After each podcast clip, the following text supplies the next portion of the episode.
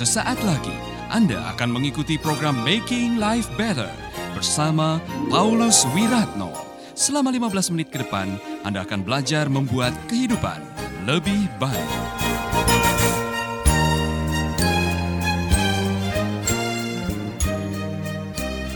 Saya ingatkan sekali lagi, kemungkinan Anda mungkin sedang mengalami seperti Kleopas.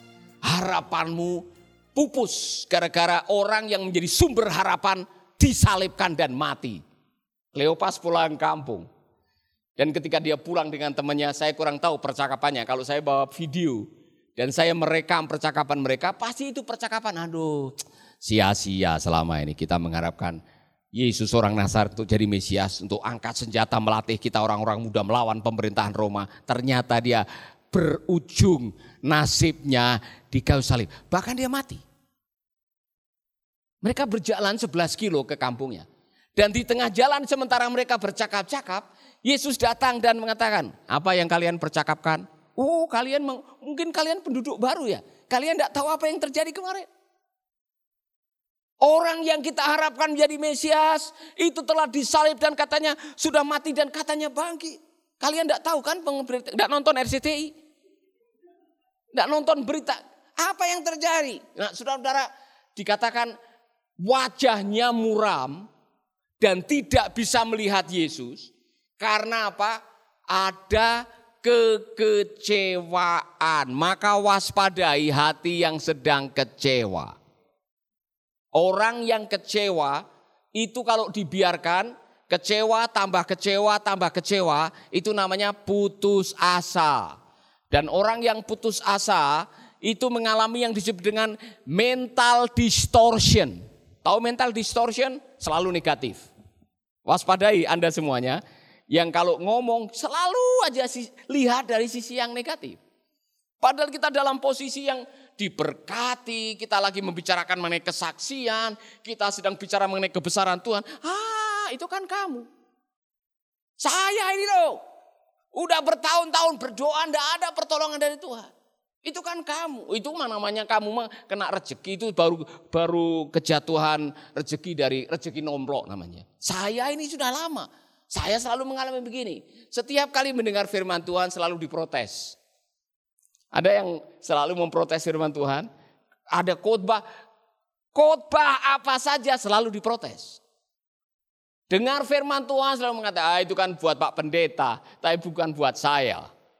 Waspadai Anda ketika Anda sudah mulai mengalami mental distortion, selalu melihat sisi negatif dari kenyataan, Anda sebentar lagi akan menghadapi situasi ya nasib.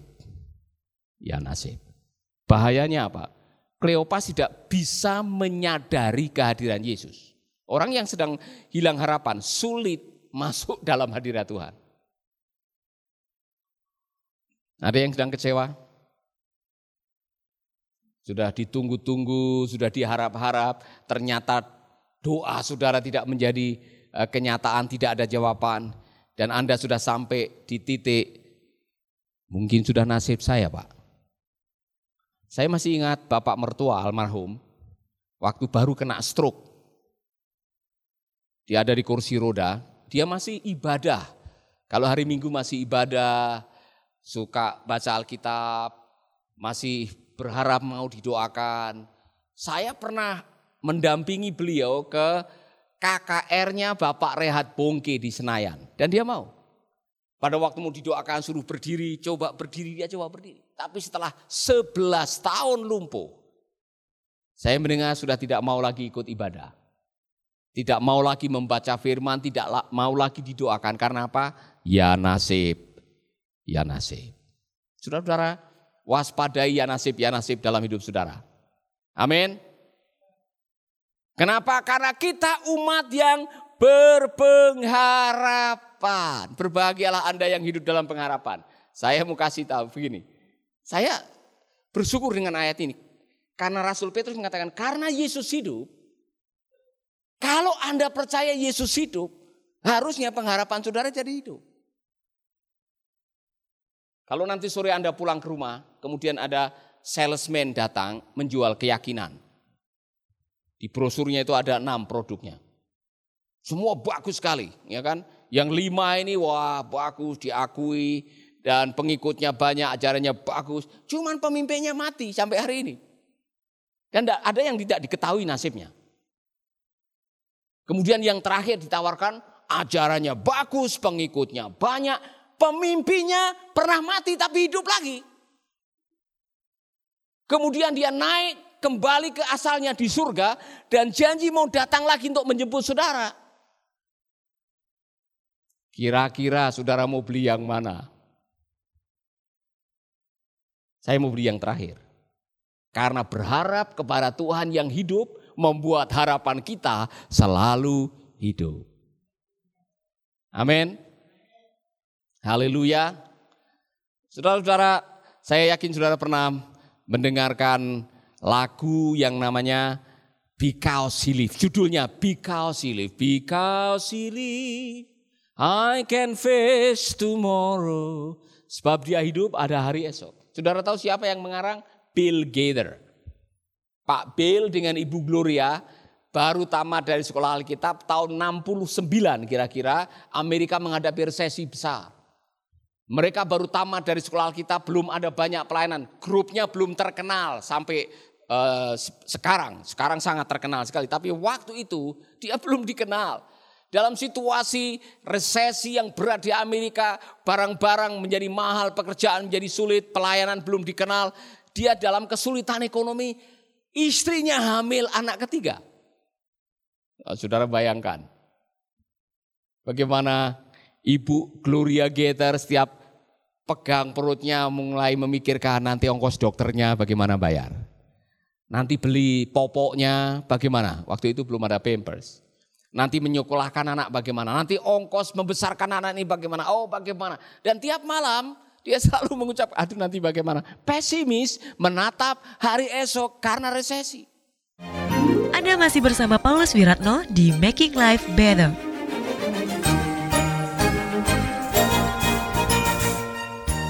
Saya bisa membayangkan sebagai suami kalau istrinya tiap malam mengatakan, Pak bagaimana ya dengan COVID ini? Bagaimana kalau COVID ini tidak selesai tahun ini, kemudian tidak ada pekerjaan, nanti kita bagaimana? Kemudian lagi hamil besar, anak kita nanti bagaimana? Kita mau kasih siapa nama ini anak? Mau kasih nama COVID? Tidak mungkin, ya kan? Untuk pengingat, aduh bagaimana dengan hidup ini? Nanti bagaimana sekolah anak kita? Oh, kreditan rumah mana bayarnya bagaimana? Ini motor belum lunas, aduh bagaimana? Coba bayangkan, Pak Roni kalau istrimu tiap malam bagaimana? Sebelum tidur, aduh bagaimana? Aduh bagaimana? Pak Roni pasti mikir. Lama-lama akan mengatakan, iya bagaimana Maya? aduh bagaimana ya? Tapi tidak terjadi seperti itu dengan Pak William Gather.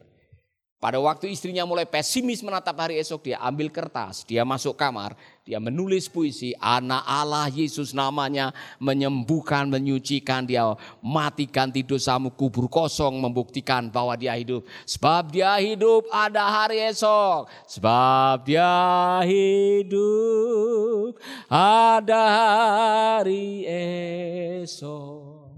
Sebab dia hidup Ku tak gentar. Kalimat terakhir. Karena ku tahu dia pegang hari esok. Hidup jadi berarti. Coba setiap kata, setiap kalimat dari nyanyian ini saudara imani. Karena saya tahu, saya pernah mengalami hal seperti ini, saudara-saudara. Waktu istri saya hamil Debbie, anak pertama, saya dalam keadaan kesulitan keuangan. Semua hadiah pernikahan dijual habis. Dalam keadaan kesulitan, saya pernah takut kalau Debbie lahir kurang gizi. Karena makanannya uh, tidak menjamin atau uh, seperti kami dalam keadaan kekurangan. Tapi ternyata segala sesuatu Tuhan pulihkan. Pada waktu kerusuhan Ambon kami lari ke Bali, tinggal di rumah yang tidak ada apa-apanya. Secara manusia kami mulai pesimis, tapi ternyata segalanya terbukti Allah memegang hari esok saudara. Orang tua-orang tua yang mulai takut mengenai anak, nanti bagaimana anak saya? Nanti bagaimana dengan nasib keluarga saya? Saya mau katakan, Yesus lebih tahu mengenai nasib anak-anakmu dan Yesus lebih concern mengenai nasib anak-anakmu di masa depan karena dia punya masa depan buat anak-anak saudara. Amin. Lalu apa yang harus kita lakukan? Apa yang harus kita lakukan sebagai orang-orang yang sedang berharap? Jangan pernah berhenti berharap kepada Tuhan. Karena apa? Berharap kepada Tuhan tidak pernah mengecewakan, kata kitab suci. Saya sudah belajar saudara dalam hidup ini, andalkan Tuhan 100%. Jangan pernah mengandalkan manusia yang kadang-kadang janjinya itu esok dele sore tempe. Tahu saudara-saudara. Pelin pelan. Oh nanti kalau saya punya ini sudah laku, saya akan memberi Bapak, saya akan memberkati Bapak. Oh nanti Bapak akan masa tuanya semua terjamin pokoknya. Jangan percaya kepada manusia, saudara-saudara. Yang namanya manusia itu kadang-kadang janjinya tidak bisa dipegang. Pernah kecewa? Pernah kecewa karena janji-janji yang tidak jadi kenyataan? Jangan pernah berharap kepada manusia andalkanlah Tuhan. Makanya Yeremia mengatakan berbahagialah orang yang mengandalkan Tuhan dan terkutuklah yang mengandalkan manusia. Saya sudah belajar, saya sudah kapok mengandalkan manusia. Maka sekarang dalam situasi seperti ini yang bisa kita lakukan andalkan Tuhan. Andalkan Tuhan. Amin. Haleluya. Berikutnya. Jadi yang pertama status Anda adalah umat pilihan. Yang kedua status Anda adalah orang yang berpengharapan. Nah, saya tidak akan pernah lupa menceritakan ini karena ini pengalaman yang saya pikir paling mudah untuk mentransferkan kebenaran bahwa keadaan bisa memutus harapan saudara. Saudara masih ingat saya pernah beli burung kakak tua waktu tugas di Ambon. Burung kakak tua saya beli 25 ribu di pasar, di pasar Batu Merah. Saya bawa pulang ke sekolah Alkitab di KTKT.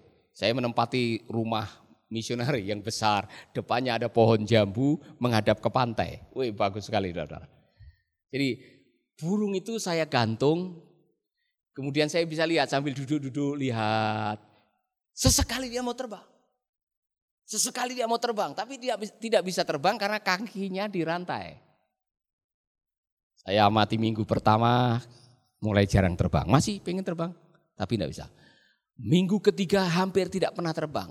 Bulan pertama setelah lewat tidak pernah terbang sama sekali. Tiga bulan kemudian dia menggigit rantainya dan rantainya putus. Saya amati, weh rantainya sudah putus. Kenapa burung itu tidak mau terbang? Saya turunkan ke tanah. Saya dorong-dorong dengan kayu supaya terbang. Dia tidak mau terbang. Saya sodok dengan kayu tidak mau terbang. Saya pikir ada masalah dengan burung ini. Apa masalah burung ini?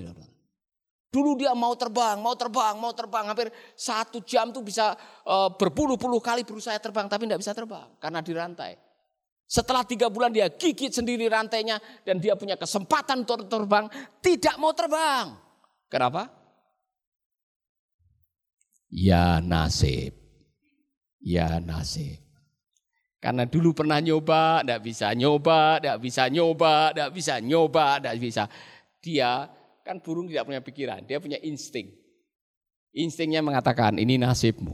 Walaupun sudah lepas, rantainya sudah putus, ada kesempatan untuk terbang, dia tidak mau terbang.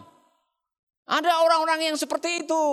Karena sudah gagal lagi, gagal lagi, gagal lagi, gagal lagi. Walaupun ada kesempatan untuk bisa, dia tidak mau lagi. Apa? Sudah nasib saya pak. Gagal. Ya kan? Ada yang pernah mengalami ini? Nyanyiannya apa? Masih ingat? Kau yang mulai, kau yang mengakhiri. yang jomblo-jomblo ini saya mau kasih tahu Anda. Tuhan itu lebih concern mengenai jodoh Anda daripada Anda sendiri. Jadi jangan menyerah kalau gagal. Coba lagi, cari lagi, keluar dari rumah, usaha lagi. Pasti Tuhan akan memberikannya. Amin. Amin. Untuk semua yang jomblo, jangan menyerah kalah dan saudara-saudara saya mau mengatakan Tuhan punya cara untuk memberkati saudara-saudara.